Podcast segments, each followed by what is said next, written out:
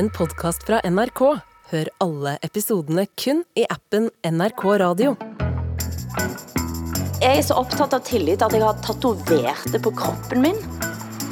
Det blir det en konflikt her mellom en grønn omstilling og samiske rettigheter. Jeg vil ikke ha at der lukter av kari i mitt hjem. Norsken, svensken og dansken med Hilde Sandvik, Åsa Linderborg og Hassan Preisler. Velkommen til norsken, svensken og dansken, vår ukentlige panskandinaviske familieterapi med svenske Åsa Linderborg, danske Assam Preisler og meg, norske Hilde Sandvik. Dere i Stockholm og København er i Tromsø på filmfestival. Men jeg har fått besøk av samiske Ella Marie Hetta Isaksen, som er filmskuespiller, forfatter, sanger, stjernekampvinner og aktivist. Så jeg må rett og slett begynne på nytt. Velkommen til norsken, svensken, dansken og samen. Hvor hvor er Sbartin, Ella Marie? Hallo, Gito. Så hyggelig å ha deg her. Eh, Åsa og Hassan, eh, var, var dette en overraskelse for dere? Var dere klar over at dette kommer til å skje? Alltså jag var mest överraskad över att du Hilda lärt dig att prata samiska så, så snabbt. Vilken av de här fyra dialekterna eller språken var det som du behärskade här? Elleve språk, er det ikke det? Eller? Ja, jeg tror det er nærmere 11, ikke fire. Er det sant? Aha, jeg trodde Ja. det var fyra. Ikke dialekter, språk. Ja, det er Ja. forskjellige språk. Språk, ja. Men eh, det her var nordsamisk, da, som er det språket jeg også forstår. Mm. Okej. Det- Jag måste fråga då, är det samma nordsamisk, alltså det, i Sverige förstå, är nordsamiska också det som, Ja. ni, ni pratar ett gemensamt språk där? Ja. Ja, vel- velkommen til, Ella Marie. Øh, Det, det er, øh, ja, det, vi demonstrerer jo her fra begyndelsen vores øh, mangel på viden om det samiske, og, og det kommer vi nok til at gøre flere gange undervejs. Og det, det må vi jo beklage på forhånd. Altså, hvordan har uken vært? Jeg er jo i Tromsø, altså alt jeg har gjort har vært i Tromsø denne uken. Jeg har vært i Tromsø og gått rundt og fått med meg inntrykk hele uken, og det har vært eh, veldig fint, egentlig. Og Hassan da?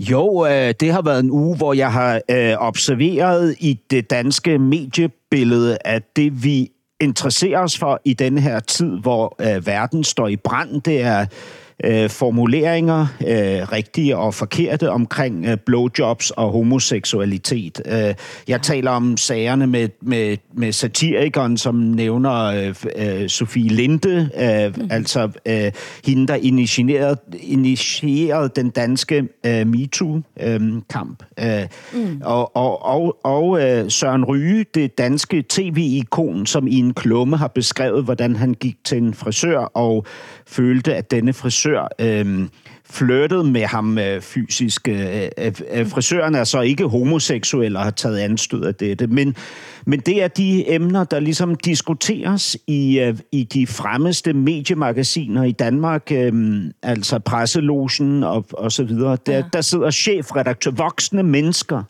og diskuterer det her frem og tilbage i timevis. Det, det, er, det er åbenbart, hvad der sker i reality Danmark lige nu. Eller hvordan har din eh, uke vært? Så langt veldig fantastisk. Ja. Det har vært eh, filmpremiere på LOC Nola Elva Leve, og det er jo en ting jeg har ventet på i mange, mange år, og jobba med den filmen, så jeg er glad, glad og stolt og litt overveldet. Ja. Åsa, altså, vi har snakket om eskalerende vold i Sverige nokså nok så mange ganger, men nå, natt til tirsdag, så eksploderte det 200 meter fra huset ditt. Välkomna till SVT Nyheter. Vid halv fyra-tiden i natt så skedde en explosion i centrala Stockholm. En kraftig sprängladdning detonerade i entrén till en restaurang in till Nytorget på Södermalm. Inga personer ska ha kommit till skada, men skadorna på huset är omfattande. Jag bor på Södermalm, den här lite finare kvarteren då, Stockholm, där alla journalister bor. Eh, Så vaknar jag 03.28 på natten av en jättesmäll. Jag skriker till, sätter mig rätt upp i sängen och tänker, det här måste vara en explosion. Eh, mannen bredvid mig märker ingenting, hunden märker ingenting. Men jag tänker, det här är en explosion. Jag lägger mig ner och somnar om. Eh, det, och jag tänker så här, jag är ju Sveriges sämsta journalist. Alltså alla andra hade ju gått ut och tittat och fotograferat och ringt till sina redaktioner. Jag la mig och sov. Vad säger det här om mig? Va? Jeg er litt usikker på, om jeg vil- vite det egentlig. Altså, hvad tror du? Herregud. Jag, Jamen, det kan jo være, måske sier det noe om Åsa som journalist, men det Jo. kan jo også være, det sier noe om Åsa som svensk. Måske, måske, du, Åsa, staten fikser det her. Og derfor, og derfor kunne du legge deg ned og sove. Kanskje det. kanskje det. Hva tror du, eh, Ella Marie, som eh, nå har møtt oss for første gang her? Ja, jeg må bli kjent med Åse litt lenger før jeg kan si noe om hun som Åsa, eller, med, eller svensk, for den saks skyld. Ja, det var, det var ett diplomatiskt svar. Takk så mye. Ja. Jeg tror jeg, vi, skal, vi må tenke på dette. Jeg, jeg, må, jeg må grunne litt før jeg kommer med en konklusjon, kjenner jeg. Men, men Hassan, vi snakker om udtrykket small dick energy, som miljøaktivist Greta Thunberg brugte mot mannsaktivist Andrew Tate. Men nå har du fundet ut at det, det, det, det, det findes.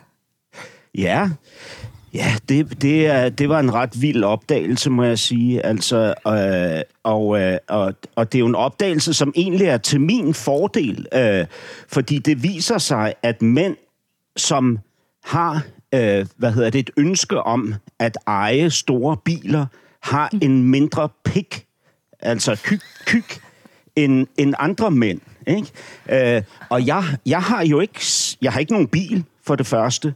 Jeg har ikke særlig mange ejendele, som jeg... Øh, Åh gud Hassan, jeg tror ikke jeg vil tænke på dig på, i sånne må, på den Nej, måten är så här, all inf information vil man ikke Jeg siger bare, at jeg ikke har nogen bil. Nej, ok. ja, Hva vil du at vi skal dra för slutsats då?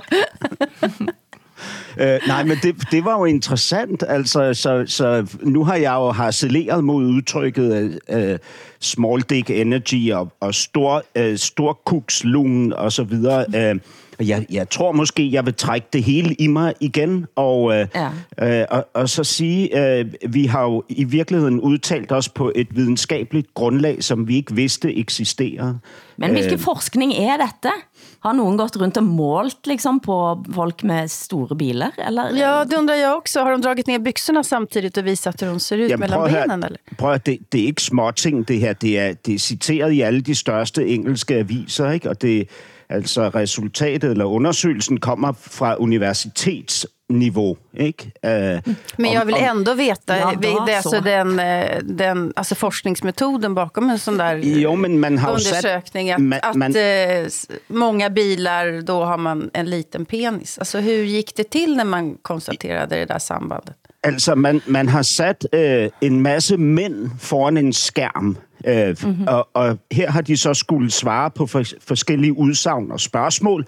Blandt andet, hvor meget de havde lyst til at købe en sportsvogn, når den dukkede op på skærmen. Ikke? Mm-hmm. Bag, bagefter skulle de så svare på, om deres penis, deres pik, altså kyk, var større eller mindre end gennemsnittet.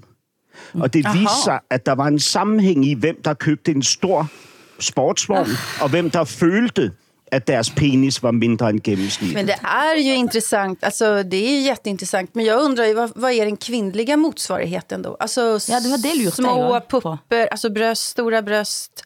Vad betyder det i så fall? Hva tror du? Vad är det man, kjøper? köp, vad är det man köper då? Ja, si det. Nei, det, det Uventet tema på tidlig på morgenen. Men um, jeg syns jo generelt det her med small dick energy på en måte, Jeg har alltid tenkt sånn at å nei, det må vi slutte å si, på en måte, for det er jo også en sånn objektivisering av mannen, ikke sant? Som, som vi er mer bevisst på rundt kvinner, så kanskje vi ikke har et sånt motsvar for kvinner, fordi at det ikke er akseptert. Mens jeg holdt jo på å ramle av stolen og Greta Thunberg av alle mennesker plutselig hashtagga small dick, dick energy, for det var, det var så sjokkerende. Så hun, hun av alle får lov, men jeg tenker ellers at kanskje man burde slutte å bruke det begrepet. Ja, men du har helt rett i det. Vi har pratet om det her i podden. Alltså, hon av alla får lov, men framförallt så får, får hon av alla lov att göra det mot just Andrew Tate som har ju byggt en hel karriär på att vara sexistisk. Så att det är lite att hon svarar med samma mynt, tror jag. Ja. Att hon tänker om jag ska försvara henne här. Men Det ifø- ifølge videnskaben, så äh, rammer Greta Thunberg jo plätt når hun säger det her om Andrew mm. Tate. Altså med alle de sportsbiler, han har, ja. så må han jo ha verdens minsta, minsta pick. Ja. Men nå er de bilene tatt, det har jeg sett på film.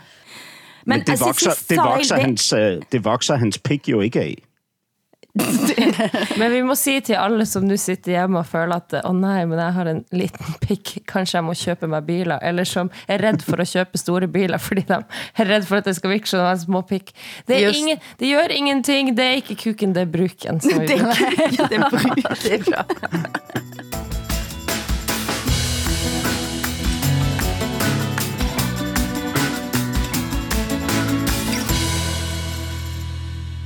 Altså, strøm diskuteres hele tiden, og nå har forfatter Jan Kjærstad skrevet et åbent brev til statsminister Jonas Gahr Støre i Aftenposten, der han spør om strømprisene kan bli Arbeiderpartiets undergang. Eh, og, og det han skriver om er altså, folk føler sig vanstyrt. Han skriver det underliggende raseriet, som eh, nå vi ser overalt i Norge. Og Støre svarer med noget, som eh, ikke er noget særlig tydelig svar, må man si, men eh, han indleder svarbrevet med åbningen på Kjærstads roman Forføreren. Det skal han ha Støre, at han læser litteratur. Han, han skriver, la mig fortælle en anden historie, jeg vet ikke om det er mulig, etter alt som er skrevet og sagt, men la mig i alle fall forsøke. Og det er da begynnelsen på rett og slett forføreren eh, til kjæresten. Men, jeg- men jeg, satt og, jeg satt og leste dette, samtidig med at jeg leste Lena Anderssons, denne eh, svenske forfatterens fest av en konspirasjonsroman, Korifene, om hvem som egentlig drepte Olof Palme. Carl Karl Stjerne, som han heter hos eh, Lena Andersson. Men her har jeg personer som møtt Nils Nia, som antageligvis også er same, som har minnerne om Platons verk Staten. Hva skjer når det demokratiske styret oppløses, spør han. Og sitat fra Lena Andersson og Platon. Det skjer når opprørske samfunnsborgere går til angrep på de styrende og anklager dem for å være kjeltringer, mens de som retter seg etter de demokratiske ledernes lover og regler betraktes som slaver og døgenikter. Eh, og, og det er sånn, det, det treffer litt, fordi på mange måter så er det liksom tilliten vi snakker om nå. Det er en sånn følelse av at ting begynner å rakne. Og så var jeg altså på en samtale med deg, Ella Marie, i går på biblioteket. Eh, Du snakka om altså samers rettigheter, men også opplevelsen med staten. Og så sier du, når man ikke stoler på staten, hvordan kan man da stole på naboen? Og det, altså Åsa Hassan, har vi hørt en mer eh, passende replikk inn i panskandinavisk familieterapi, det må vi jo snakke om. Det är ju Alltså- jättebra, men jag, måste, jag skulle först bara vilja säga någonting om Jan Kerstas eh, brev där. Ja. Eh, jag, för, för mig så är det ett exempel på hur Norge fungerar. Eh, en författare skriver ett, ett brev till statsministern och statsministern svarar. Och det här brevet, det är inte... Alltså vi har ett ord på svenska som heter grälsjukt, att man, att man, man vill bråka och sådär. Det, ja. det, här, Jan Schast, det är skrivet med en sån sorg och med en sån ärlig undran. Så kan, inte, kan inte ni bara skriva ner på ett papper, redogöra för hur den här strömmarknaden fungerar?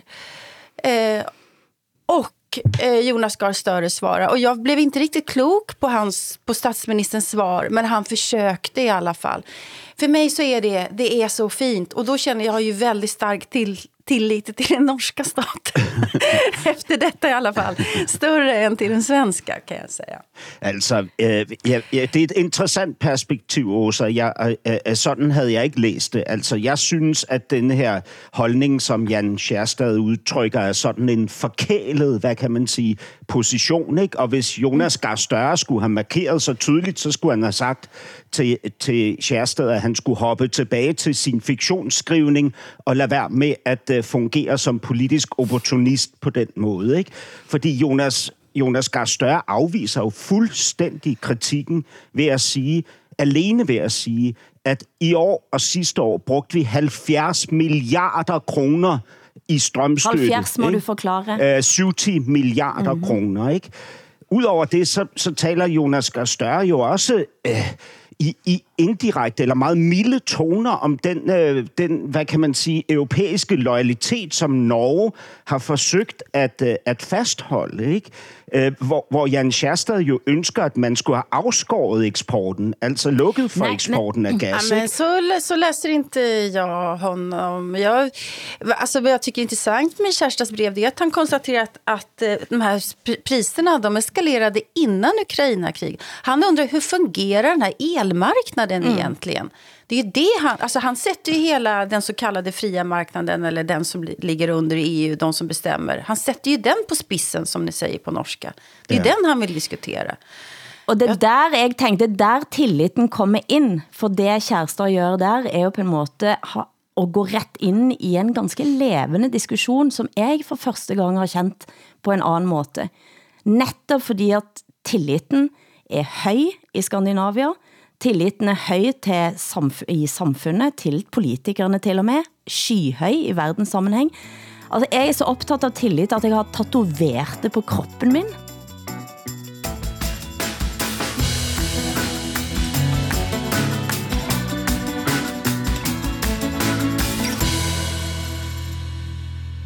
Når jeg da hører deg, eh, Ella Marie, i går i debatten på biblioteket, sier at hvem kan man stole på, når man ikke kan stole på politikerne. Eh, fordi det, det pludselig så ga det en eller annen stor gjenklang eh, i hele storsamfunnet. Og, og kan ikke du si litt om hvordan du opplever det, og nå har du hørt vår utlegning av, av Støre og Kjærstads eh, diskusjon. Ja, jeg tror det er viktig å huske på at vi har veldig forskjellige utgangspunkt til å ha tillit til staten. Um, jeg er jo vokst opp uh, i en samisk familie etterkommere av, av samer som har vært for, forsøkt uh, fortiet, assimilert, fornorsket. Og det er jo klart at i alle tider har jo uh, minoriteter skåret lavere på eh, på tillit til staten i Norge enn majoritetsbefolkning, og det gjelder også samer. Vi har generelt hatt lavere tillit til ikke bare staten og politikere, men også statlige organer, altså, altså helsetilbud, eh, lærere, politi, alle, alle slags nødetater har man lavere tillit til. Og så, sånn som jeg tolker status i dag, så er det eh, en, en forverring av tilliten til staten Norge blant, blant mine kretser i alle fall. Og det har, handler om annet en sak som heter Fosen-saken, som eh, handler om eh, reineiere på Fosen som har eh, eh, blitt utsatt, kan man si, for et vindkraftutbygging på sine vinterbeiter. Altså en veldig viktig landområde for dem. Eh, er nå bygd ned av en svær vindpark, som det kalles.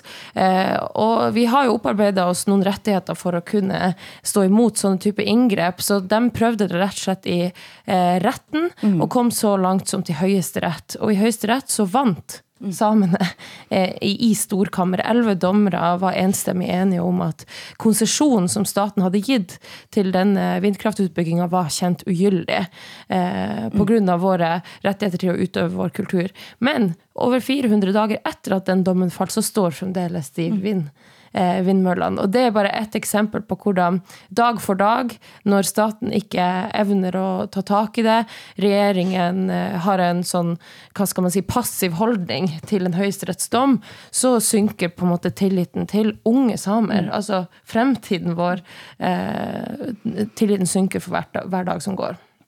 Kan vi ikke snakke litt om den filmen, som du er med i? For den tror jeg forklarer ganske mye av eh, Norges forhold til samene. Mm. Den heter La elva leve. Fel när det har oftast en ashes? Vi gjør det her for de generationer som kommer efter oss. for at de skal ha rettigheter. Sånn som du oppfører deg. Det er derfor man blir så lei av det samiske. Du er jo født i Norge, du òg, selv om du også vil være same. Ja, vet du at du er gift med en same. At du har en sønn som er samisk. det samiske har ingen framtid lenger, Ester. Jag funderar, vi snabbt bara ska förklara för, för svenska lyssnare i alla fall, att det handlar om, om utbyggnaden av Altaälven 1981. Och vi hade en motsvarande diskussion i Sverige om Vindelälven. Eh, där eh, Olof Palme, eller Socialdemokraterna 1970 bestämde att den skulle inte byggas ut. Men i Norge så bestämde man väl någonting annat. Det var en kort Mm, liten gjorde. introduktion till nyska, Ja. eh, svenska lyssnare. Og så kan jeg også si, eh, fordi jeg har lovt Hassan det, eh, at vi kan liksom gå, rykke enda et skritt tilbake og si, sånn at vi har et bilde i hodet, at Sápmi er store områder i Norge, Sverige, Finland og Russland. Det er cirka, har jeg lest meg til, 80 000 samer totalt. Ja, Noe det- sånt. Jeg har også, jeg har også 56, sett de tallene, og så er det alltid vanskelig å måle urfolket, fordi det er nok veldig mange mørketall der også, fordi at fornorskning og assimilering har jo lyktes i stor grad da. Mm. Men historien om Ja. Alta-elva. Um, ja, Alta-saken er det jo mange som kjenner til, og så er det noen som aldri har hørt om den. Alta-saken pågikk på 70- og 80-tallet, eh, og det omhandla en utbygging av Alta-Kautokeino-vassdraget, altså en at man skulle demme opp eh, elven for å få kraft og strøm til Finnmark. Um, og det utvikla seg til å bli en svær miljøkamp i Norge. Altså folkeaksjon, miljøvernere engasjerte seg for å nettopp bevare elva og fiske, fiskemulighetene og, og liksom naturens egenverdi. Da.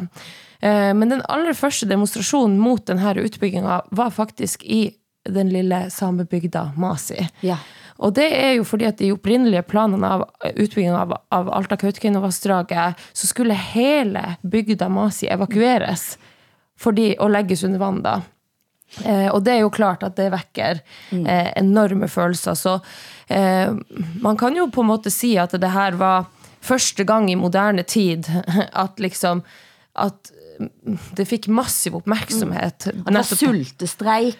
eh, ja, etter hvert ble ja. det sultestreik utenfor Stortinget, og det utvikla seg jo til å bli en svær rettighetskamp. Og mange i Norge oppdaga jo for første gang at det fantes et urfolk i Norge, og, og det ble, sånn som ettertida ser det, et stort vendepunkt i Mm. samisk rettighetskamp. Og det er basert på de her virkelige hendelsene at denne filmen da er laget, men så er det en fiksjonshistorie som er liksom Mm. er basert på alle de her, summen av alle de små og store fortellingene. Men jag tänker, jag minns ju alt opprorrett. Jag, det här 1981 och då var jag 13 år. Jag minns att, att jag läste om det och tyckte att det var så här spännande. Jag kommer från en familj där man alltid st- ställer sig på alla demonstranters sida jämt. Eh, Men jag tänker, du Hilde, hur gammal var du? Hva vad minns du från Altaupproret? Ja, det- og det var, det var faktisk ganske interessant, for jeg satt og så filmen, som er veldig rørende, det må jeg si. Eh, Ella Marie spiller Ester, som er en hovedperson, en ung same, som har blitt lærer eh, i bygda Masi. Eh, Alta. Hun jobber i Alta. Ja, hun, hun jobber i Alta da, Ja. så skal, ja. Ehm, og når jeg så de bildene, så var det flashback til Dagsrevyen, eh, da, jeg, da jeg var barn. Jeg var vel ni år når det startet, i 81 så var jeg 11, eh, og, og, og det var som å få liksom hele, jeg husker det veldig godt som drama. Uh, um, og på en måte også, så tenker jeg at det var da virkelig en begynte å tenke annerledes rundt uh, samepolitikk i Norge. Altså det starta en annen måte å tenke på. Ja, og uten å spoile filmen, så står jo den demninga der i dag, så man tappte på en måte selve kampen, men mange har eh, på en måte tolka det som en, eh, hva skal man si, en historisk seier likevel, fordi at man fikk fremskynda, man fikk samerettsutvalget, som skulle utrede samiske rettigheter, og, og, eh, og så fikk man fremskynda prosessen med å få et eget samisk parlament, som jo i dag står både i, i Norge, Sverige og Finland. Men, men det med, med denne fornorskingsprosessen du sa, så hvordan var det i Sverige Åsa, vet du det? Eh, eh, nei, men altså, den svenska staten har jo haft et, et, et eh, försvenskningsprojekt av, av samerna som vi, som vi pratar om veldig mye. Og eh, förbjuda kulturen, förbjuda språket, at skolen eh, skolan skulle være rikslikare og så videre, Bland annat. Sen har ju samerna kämpat sig till eh, rättigheter. Och idag så har vi ju i Sverige en, en, en väldigt stor nyfikenhet eh, på samisk kultur. Och det är väldigt, väldigt mycket samisk kultur nu som får Mm. blomma och som får statsstøtte Och, och som, som, lyf, som lyfts fram och sådär. Så att, alltså, Sverige som ju också är en kolonialmakt, om man ska använda sådana ord i förhållande till samer, har ju, har ju vindlat fram och tillbaka. Eh, så, är det ju, så är det ju. Och eh, det är ju så pinsamt att jag kan så, så lite om det här, trots att vi pratar så mycket om det i Sverige nu. Trots att jag är historiker. Det säger väl någonting helt enkelt om majoritetssamhällets syn på, på det her. Ja, kan jeg bare skyte inn også det at mm, jeg på en måte er ikke så vant til egentlig å skille mellom det som er på norsk side og det som er på svensk side og finsk finsk side.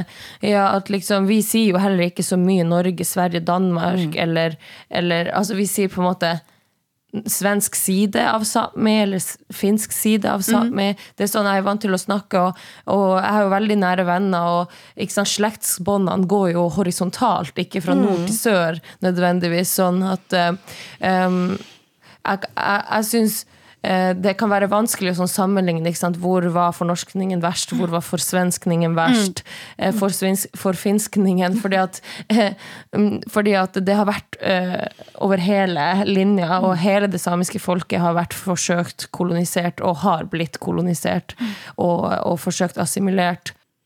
Altså den, den, øh, den brutale undertrykkelse, ikke historiske undertrykkelse af det samiske folk, har, har Danmark jo også været en del af. Ikke på den måde, at Danmark og Norge var jo et stort rige, ikke? og derfor var den, de danske konger jo også en del af den her undertrykkelse, som jo ikke kun var undertrykkelse, som også var mor og udryddelse. Ikke? Det, der, det, der er nyt for mig, som jeg har opdaget i nat, hvor jeg som altid lå søvnløs, og derfor læste øh, øh, en masse af de links, som du så generøst havde sendt til os, Hilde, øh, om, om den samiske historie, det er, at det her er jo et moderne fænomen. Altså, øhm, overgrebene er helt friske. Ikke?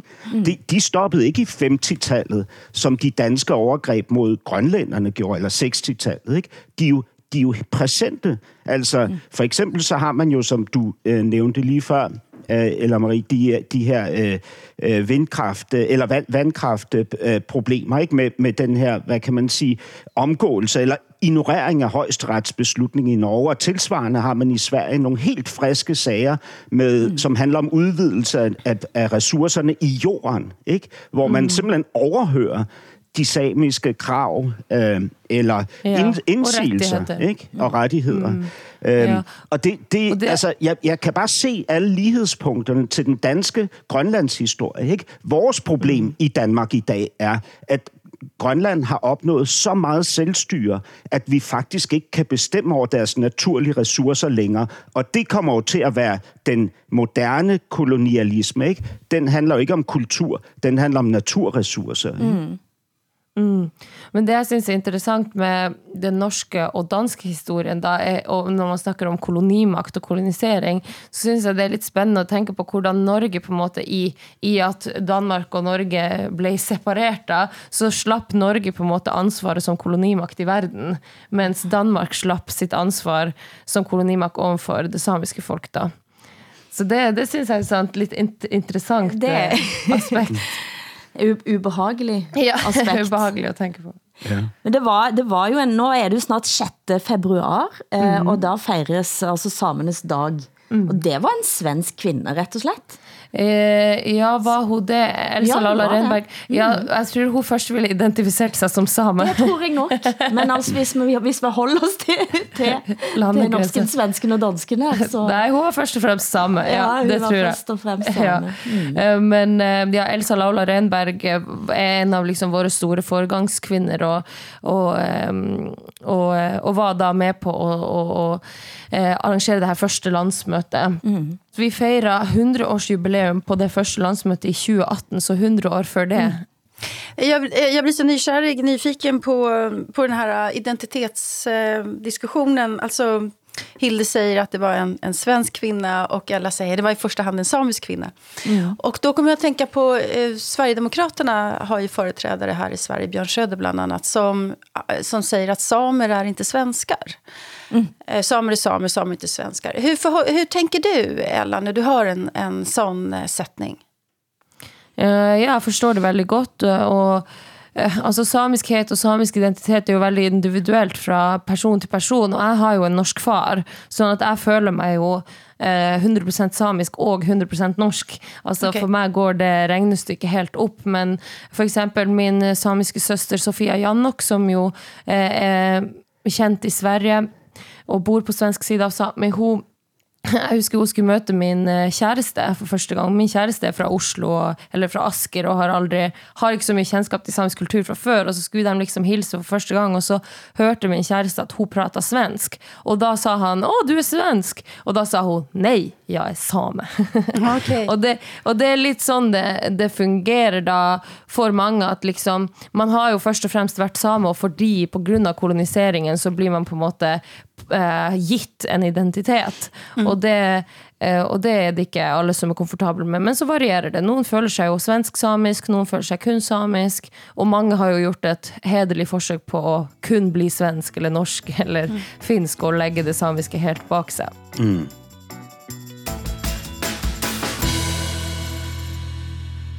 Du er en av de fremste kulturbærerne blandt unge samer. Du har skrevet bok.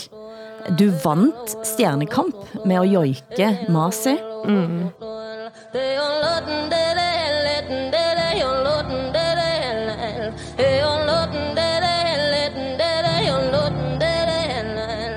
Og eh, du er nå altså filmskuespiller eh, og har podcast. ja, det er en podkast på samisk som er teksta på norsk da, på NRK, sånn at folk som ikke forstår nordsamisk, også kan følge med. NRK podkaster. Boris Bertin, gå til alle podkaster, mikä jäävä mujenan. Mun naamalla Ella Marie heter Isaksen Jadonnet. Saie Solbakk. Ja, er studios Karasjoas. Så det har vært et viktig oppgjør for meg, fordi at jeg føler at jeg har brukt så store deler av livet mitt, sånn som nå egentlig, da, å liksom prøve å utdanne majoritetsbefolkning og drive folkeopplysning. Og i den prosessen har jeg kanskje glemt mitt eget folk, og, og skape innhold og, og, og ha de interne samtalene. Så det er en sånn podkast som liksom skal fylle den funksjonen, da. Mm. Det er bare å anbefale det er norsk tekster. En kan eh, lese det mm, over hele Skandinavia, vil jeg påstå. Ja, den heter Gåtsujalde. Mm. Hva betyr det egentlig? For det prøvde jeg å finne ut. Ja, det er litt morsomt at du spør, for det betyr å være årvåken, eller å være våken. Så det er jo liksom vårt mm, svar på woke, da. Eller at vi prøver å være våken på, på det som skjer i vårt eget samfunn. Mm. Men jeg må si at den podcasten, den episoden jeg hørte, var ikke woke. Den var tvert imot. Ok, hva du mener med det? Nei, fordi at den går rett inn i problemstillinger og sier dette er vanskelig, det, må, det skal vi snakke om. Oh, ja, så, Ja, ok, kanskje vi forstår woke-begrepet forskjellig. Ja, men det er fordi normalt, normalt så involverer øh, woke ikke selvkritikk eller, eller selvrefleksjon. Ikke? Og på, på den måten så er det jo, altså det her er jo en redefinering af woke, som vil gøre, at jeg vil tilslutte mig wokeism, ikke? Hvis, hvis, det handler om selvudvikling ikke? og selvkritik, altså helt klart, absolut. Ja. Der er noget andet, jeg, jeg vil spørge, altså jeg har en, jeg har en dansk øh, forfatter, kollega og ven, Maren Uthaug, eller Uthaug, øh, som er, ligesom du er, er øh, altså har, har en forælder, som er norsk, og en anden, som er samisk. Øh, ja, hun identificerer måske sig selv som 100% norsk, 100% samisk og 100% dansk, det ved jeg ikke. Men hun har i hvert fald skrevet en bog øh, om øh, sin samisk-norske familie, som hedder Hvor der er fugle. Øh, hvor, hvor som findes fugle. Øh, mm. og, det, og den handler faktisk, det er en satirisk roman, og den handler blandt andet om indavl. Mm. Hvad er en, en aul? Inavl. Innavl! Innavl! Innavl. Ja. Ja. Nej, nu förstår jag. Øhm, Undskyld. Og, og, og det, er en- det, er en, altså, det, er en, det er en ret øh, fa- fantastisk bog, altså vidunderlig bog, som, øh, som indeholder det element, du netop har skildret, altså et ærligt, dybt blik på, på egen kultur, ikke? Og, og egne problematikker også. Ikke? Mm. Og så er det jo trist at jeg får sånn Med en gang du sier ordet innavl, så får jeg sånn ryggmargsrefleks på å forsvare Ja. hele mitt folk. Og, det er sånn mm, typisk symptom på et undertrykt folk er at man har veldig vanskelig for å åpne seg om interne problematikker og, og liksom eh, hva skal man si, det man sliter med sjøl. Fordi at da gjør man seg sårbar for mer hets og rasisme. Og så er det jo, da må jeg også bare få si at det er en stereotyp rundt eh, det samiske folket at det er mye innavl. Og det må vi bare avkrefte. Det er ikke sånn eh, man bør se på det samiske folket. Men, men um, hørtes ut som en spennende bok. Ja. Men, men må, jeg, må jeg spørge om noget? Øh, altså, du, du taler om, øh, om den her for, forsvarsmekanisme, der ligesom træder i kraft, når, når de her... Øh, øh, er- det også sådan, at du udover at risikere at forstærke fordommene, også kan påkalde dig øh, kritik og måske endda udstødelse fra, fra det samiske miljø, hvis du er for ærlig eller for åbenhjertig? Ja, man kan si at jeg kunne, at jeg risikerer det på mange måter. Og så bare ved å være et offentlig menneske som tar debatten, og som stikker seg, seg ut, er på en måte kontroversielt i, i seg sjøl, vil, vil kanskje noen eh, si i det samiske miljøet. Og så har jeg valgt å stå i det, og valgt å være um, en, en, en stolt same, men en ærlig same. Og jeg har, jeg har valgt å, å ta oppgjør med bl.a. Eh, voldsspørsmål i Sápmi. Altså, altså, dessverre så er det kommet en, en rapport som viser at halvparten av samiske kvinner i undersøkelsen opplever vold i løpet av livet. Og det er altfor høye tall, og tall vi må ta tak i. Men som er utrolig vanskelig å ta tak i, fordi det sekundet den rapporten kom, så skriver media eh, Ante banker kona si mer enn Ola. Og Ante er liksom et typisk navn for en mannlig same, og Ola er et typisk navn for en mannlig nordmann. Så det blir på en måte med en gang så stereotypifisert, liksom måten du snakker om det på blir så ukonstruktivt at man vegrer seg nesten for å, for å snakke om det. Mm. Jeg leste en tekst der du pratet om din kofta, altså din samedräkt. Vad- hur- Jag vet inte vad det heter på, på svenska. Kofta På- är ju liksom en trøye tröja. Kolt sier mange Kolt. på, på svensk ah. side, men eh, Kolt, du kan si okej. gakti på nordsamisk. Ja. Al- Altså en drakt. En dräkt, Mm. samedräkt, precis. Um, att när du ska uppträda så förväntas du alltid ha de där kläderna på dig och de kräver att du ska ha det också. Mm. Och det där tyckte jag var så intressant och lite rörande på något sätt att, och lite provocerande att eh, det är bara om du har de kläderna på dig som du gills som man tar dig på allvar. Att, att du måste ikläda dig den som är nästan som en uniform och du säger i den här texten kan du bara få komma i en vanlig en vit skjorta som alla ni andra? Ungefär så om jag, tol om jag tolkar dig rätt. Eh, Då tänkte jag på dig Hassan, hur du har pratat om eh, tidigare när du var ett sånt här mångkulturellt, som du uppfattade alibi, att du var tvungen att uppträda på särskilt sätt som kommer från en eh, mångkulturell miljö, bakgrund, därför att annars så skulle du inte bli tagen på allvar. Eh, Känner, du igen, känner ni igen det här som jag refererar till? Jamen altså, for mit vedkommende helt klart. Det var jo ikke kun øh, forventningen, det var også alle de, øh, hvad kan man sige, tillidsposter, alle de penge, al den magt og position, der fulgte med, at jeg ligesom påtog mig den identitet, ikke? som var øh, en, en forventet identitet, ikke en egentlig identitet. Ikke? Altså mm-hmm. en, en slags øh, kofter eller kåbe, jeg skulle tage på, ikke? for ligesom at få mit høje honorar for at fortælle min smertehistorie. Ikke? Men jeg har, jeg har jo den her identitetspolitiske fortid, men jeg har jo også en, en eller anden form for, øh, hvad kan man sige, nutidig identitetsmæssig splittelse stadigvæk af en art. Ikke? Og derfor var, var nogle af de her historier, nogle af de udtalelser, jeg læste og hørte i forbindelse med min research til i dag, meget bevægende for mig. Ikke? Øh, fordi mm. jeg, jeg kender... Jeg, Du kände igjen det? der, er noe no, der er noget, jeg forstår. Ja, jeg følelsesmessig. det också. Det var det jeg tenkte. Ja. Ja, og sånn sett bruker jeg jo ofte å føle meg, eh, altså som same da, nærmere eh, andre minoriteter med minoritetsbakgrunn eller innvandrerbakgrunn enn det jeg gjør med mine norske naboer. Fordi at man, man har vært i de samme type problemstillingene. Og det er jo på en måte, kan man si, for det samiske folket som er et hvitt folk. Altså, eh, det er det er på en måte et veldig veldig stort privilegium, absolutt, og det, det må vi anerkjenne. At, at det, hva skal man si, at, at vi kan gli inn i den mar norske majoritetsbefolkningen, svenske majoritetsbefolkningen lettere enn om vi hadde hatt en, en synlig minoritetsbakgrunn, eller synligere minoritetsbakgrunn. Men det har jo også vært vår akilleshæl, som har gjort at det er lettere å eh, fornorske og forsvenske eller assimilere oss. Um, men, og, og, så, og, så, og, så, får man sånne rare situasjoner nå da når du som same ønsker å ta tilbake og liksom vise stolt hvem du er. At da blir du plutselig eksotifisert. ikke sant? Ja, men du, mm. du, som artist spiller jo på det samiske, da må du jo kunne stille opp i koften. Mm. Men? Man, altså, jeg spiller jo ikke på noen ting, jeg er jo bare meg sjøl.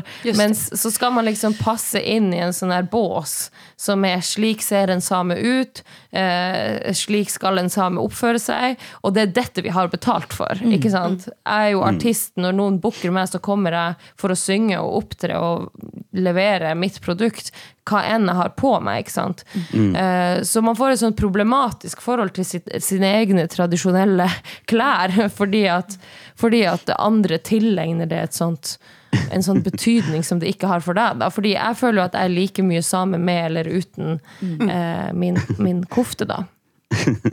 ja, det, det er meget interessant, det er det. Altså, jeg, jeg er jo nok sådan en, øh, som er, hvad kan man sige, har lavet sig frivillig frivilligt absorbere af majoritetskulturen, eller assimilere, ikke på en måde. Altså, jeg har det i hvert fald sådan i dag, at jeg gerne spiser alt mad fra hele verden, men jeg vil ikke have, at der lugter af kari i mit hjem. Mm. Ikke? Mm. Øh, pakistansk mat. Øh, pakistansk, det er den mm. pakistanske mm. grund duft, mm. ikke? eller grundlugt, om man vil, det er kaj. Ikke? Mm. Øhm, og, øh, og, og det, det er måske sådan et billede på, hvad kan man sige, ja, jeg er jo slet ikke færdig med ligesom at definere det, men en, en form for oprindelsesskam, eller, eller en, en form for beslutning i forhold til en meget pragmatisk beslutning, ikke? i forhold til at sige, hvad er lettest for mig mm. i mit liv? Ikke? Er det lettest at insistere på at uh, udtrykke mig uh, med den pakistanske kultur, ikke? eller er det lettest at gøre mig så dansk som muligt? Ikke? Mm. Øhm, mm. Og, og, og det, det er helt klart, men, men der, der er bare noget, der bliver ved med at interessere mig omkring det her. Øh, der, der er en dansk-grønlandsk øh, skuespiller, som hedder Nugaga Koster Valdau. Øh, hun er en fantastisk, formidabel kunstner i mine øjne. Ikke? Og hun, hun beskriver... at, at hun har noget i sin historie, et mindre værd i sin DNA, fordi hendes mm. forfædre var andenrangs mennesker i eget land ikke? af de grøn, hendes grønlandske, grønlandske forfædre i Grønland. Mm. Ikke?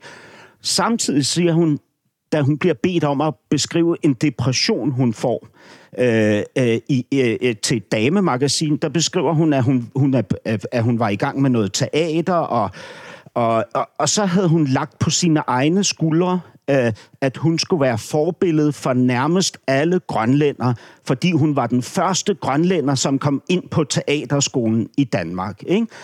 Men hun siger faktisk også, at man som fremtrædende grønlænder bliver automatisk bliver døbt som ambassadør for Grønland. Ikke? Og den der ambassadørrolle, som jeg også tog på mig frivilligt, men også fik lagt på mig nærmest tvangsmæssigt, ikke? er altså er er hård, altså tung at bære. Ikke?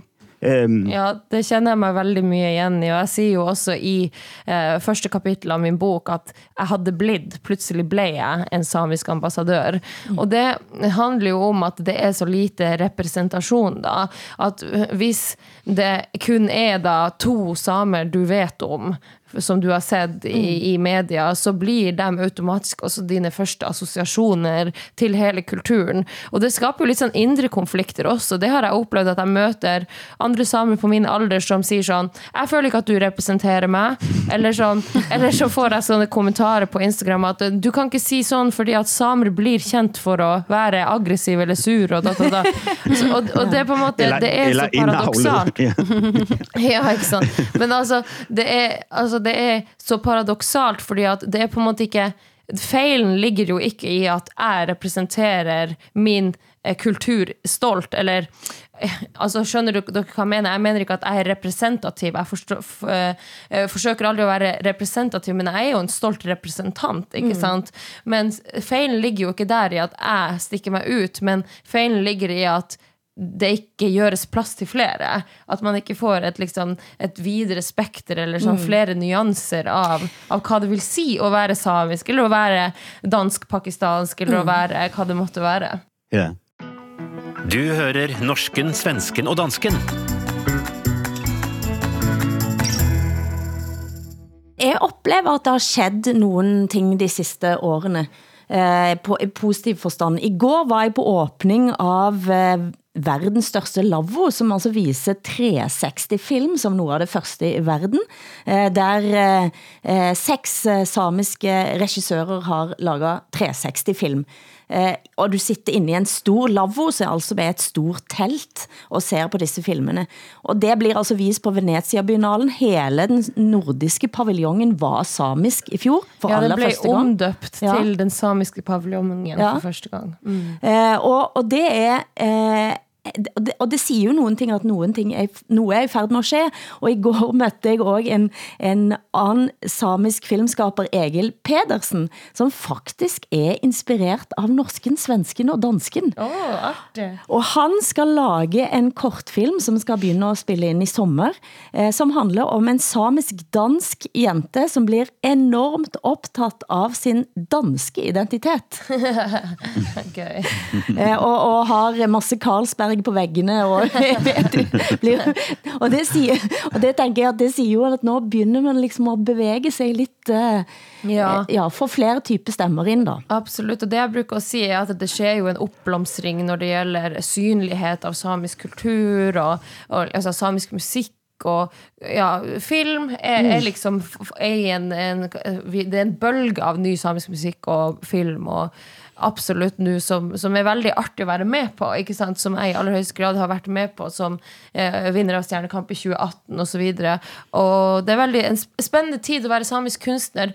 Og så syns jeg det er på en måte sånn sett et et, en vond parallell der, eller noe som parallelt eh, foregår, at liksom våre landområder og liksom våre grunnleggende rettigheter samtidig liksom er, er hardere pressa, eller under hardere press enn noen gang. Så det blir en sånn eh, en eksotifisering i det, da. Altså at Mm. liksom det, det vakre og den vakre kulturen er på en måte velkommen. Og, Mm. og ikke sant, hvis, o, hvis Tromsø, for eksempel, som kommune søkte om å være sånn OL-vertskap at de ville arrangere OL her, og i sin søknad så pynta de med samiske runer og samiske symboler, og, og her blir det samiske folk vertskap, og det blir så nydelig. Mens sant, hvis det blir snakk om å skilte, og skilte og skrive eh, stedsnavnene i denne kommunen på samisk, så klikker det for folk. Altså folk tørner. De klarer ikke å, å deale med det. Sånn at eh, det er en vanskelig balanse. Jeg prøver alltid å liksom være glad og stolt, og jeg blir jo utrolig glad av å være her på filmfestivalen og få lov til å være åpningsfilmen for, eksempel, for hele denne festivalen med en samisk film der halvparten av filmen går på samisk dialog osv. Det, det er store milepæler. Men så er det med en sånn bismak. Da. Mm. Ja, og Men det er jag- sånn, ikke ta landet vårt, liksom. Ja. Ja. Men jag, vill, jag, vill- jag, tänker, jag skulle vilja prata lite om det. Alltså, det som Hassan sa tidigare om att kolonialmakten kolonialmakten idag, det handlar om naturresurser. Eh, och jag tänker på den samiska identiteten och kulturen är ju också intimt liksom, bunden till just resurser och mark och eh, renar och, och fiske och jaktmarker och sådär. Och jag uppfattar ju dig alla som, liksom, du säger woke och sådär, som en progressiv ung jente då. Och då tänker jag att i Sverige i alla fall, och det måste, så är det väl upp hos er också, Alta, Alta-aktionen var väl ett exempel på det kanske. När, när sådana här saker kan komma i konflikt med varandra. I Sverige nu så har LKAB, den statliga gruvan, gruvnäringen, hittat eh, mineralfyndigheter som är störst i Europa. Som skulle kunna vara en stor, stor lösning på vindkraften och på elbilar.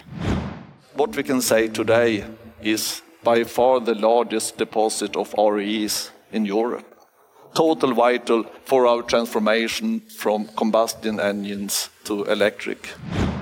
Som det är nu så är ju alltså 30-40 procent av de mineralerna eller, eller eh, jordartsmetallerna importeras från odemokratiska länder som Ryssland och Kina. Så det här skulle liksom vara ett, ett sätt Europa att kunna liksom kasta sig loss från att importera därifrån. Eh, den här den driften då skulle gå ut över eh, samisk mark. Kommer, då blir det en konflikt här mellan en grön omställning och eh, samiska rättigheter. Nu menar inte jag att du ska ta ställning till den här svenska jag, frågan. Jag tar. Men du måste ändå... Du måste, du, det är ett jag samiskt tänker problem. Det är ett samiskt mm. problem, men det är också ett... Eh, grön omställning är ett globalt problem. Det är en global ja. fråga, en svensk fråga. En, även, alltså samer lider ju svårt av klimatförändringar. Ja. Och då, då tänker jag, hur, hur ska man förhålla sig till det här?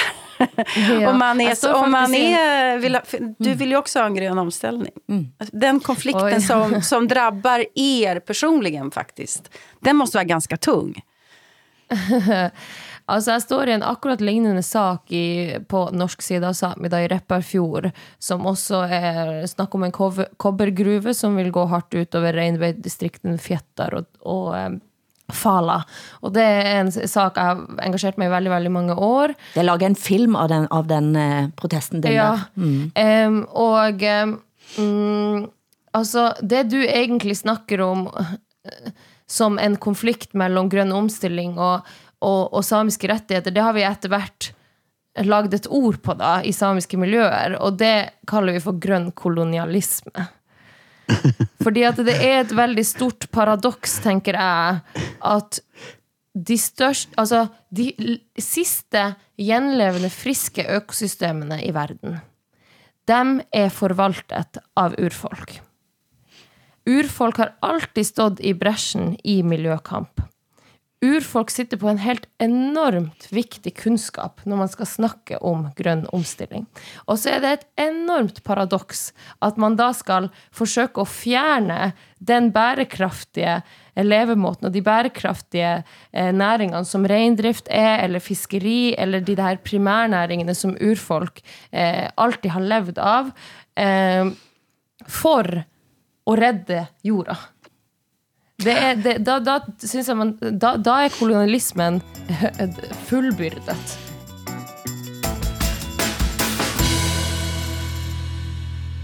Kan du, kan du fortelle hva joik er? Joiken var jo forbudt i Sverige før. Ja, det, det var det jo. Ja, på nordsamisk kaller vi det låti. Det er jo ja, samenes tradisjonelle måte å synge på, men også uttrykke seg selv på. Og det er blant Europas eldst dokumenterte vokaltradisjoner. Mm. Så det har levd i uminnelige tider, og lever den dag i dag. Men sånn som dere var inne på her, så har det vært, det har vært forbudt. Um, jeg bruker å si at joik er en måte å, som å male. Altså du, du maler ikke om noen, du maler noen. Mm. Så selve melodien i din joik, for eksempel, da, om jeg hadde joika deg, så, så hadde En gang kanskje. så, hadde, så hadde på en måte selve melodien malt et bilde av hvem du er. Altså Mm. hvor temperamentfull du er, hvor rask du er, på hvilken måte beveger du deg. Og så kan man legge til ord, da. Mm. Som for eksempel Ja, hun driver en podkast som er veldig kul. og, så, og så kan man lære den bort til alle som Mm. du kjenner, og så kan eh, gjør ikke det når du er nedfor, eller når du eh, har gjort noe bra. Sånn som eh, på filmpremieredagen så joika min tante og min mor meg på etterfesten fordi at Ah. de var stolt av meg. ikke sant? Så det har en sånn, sånn funksjon. Mm. Blant annet. Men jeg har lyst til at vi skal gå ut på noe veldig sterkt her. Mm. Da Mari Boine, som er en stor joiker og artist i Norge, og en av de aller første som, det var andre også, men en av de aller første som virkelig fikk joiken inn i bevisstheten i, i Norge. Eh, hun hadde, det var en stor feiring av henne, og da joika du, og snart åpner Vårelven seg igjen'. Mm. Eh, og det begrepet der, det er jo ikke bare at elven åpner seg, men det har vært is, og nå flommer det. Mm. Eh, og det betyr noe sterkt. Ja, det, det er en av de vakreste tekstene jeg vet om. Det er en tekst skrevet av Rauna Carita Eira som eh, Mari Boine har lagd en, en melodi til, da. Og når hun skulle vinne hedersprisen i Spellemann i 2018, så, så overraska hun med denne låta. Mm. Og jeg elsker den teksten fordi at den handler jo egentlig om det stille folk som begynner å snakke igjen.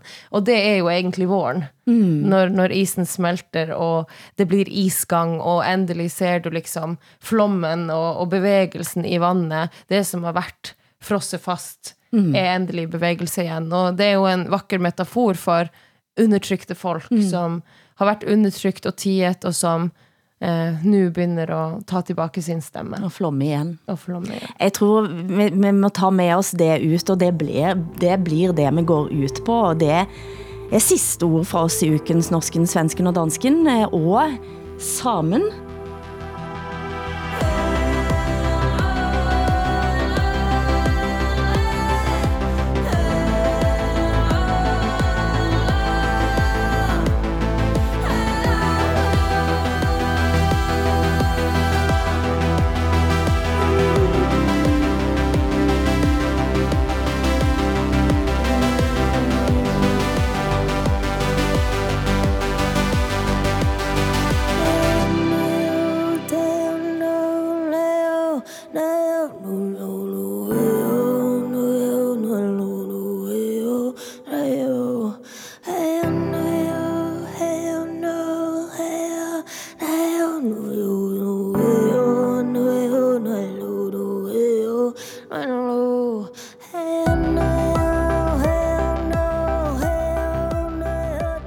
Producent har vært Eskil Paus, tekniker Hans Christian Heide, takt Åsa Linderborg i Stockholm, Hassan Preisler som sitter i København, Hilde Sandvik og Ella Marie Hetta Isaksen i Tromsø.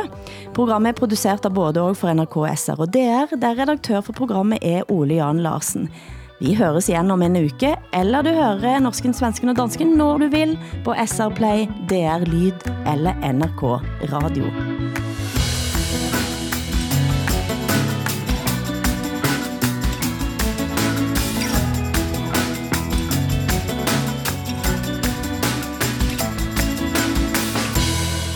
Du har hørt en podcast fra NRK. Hør alle episodene kun i appen NRK Radio.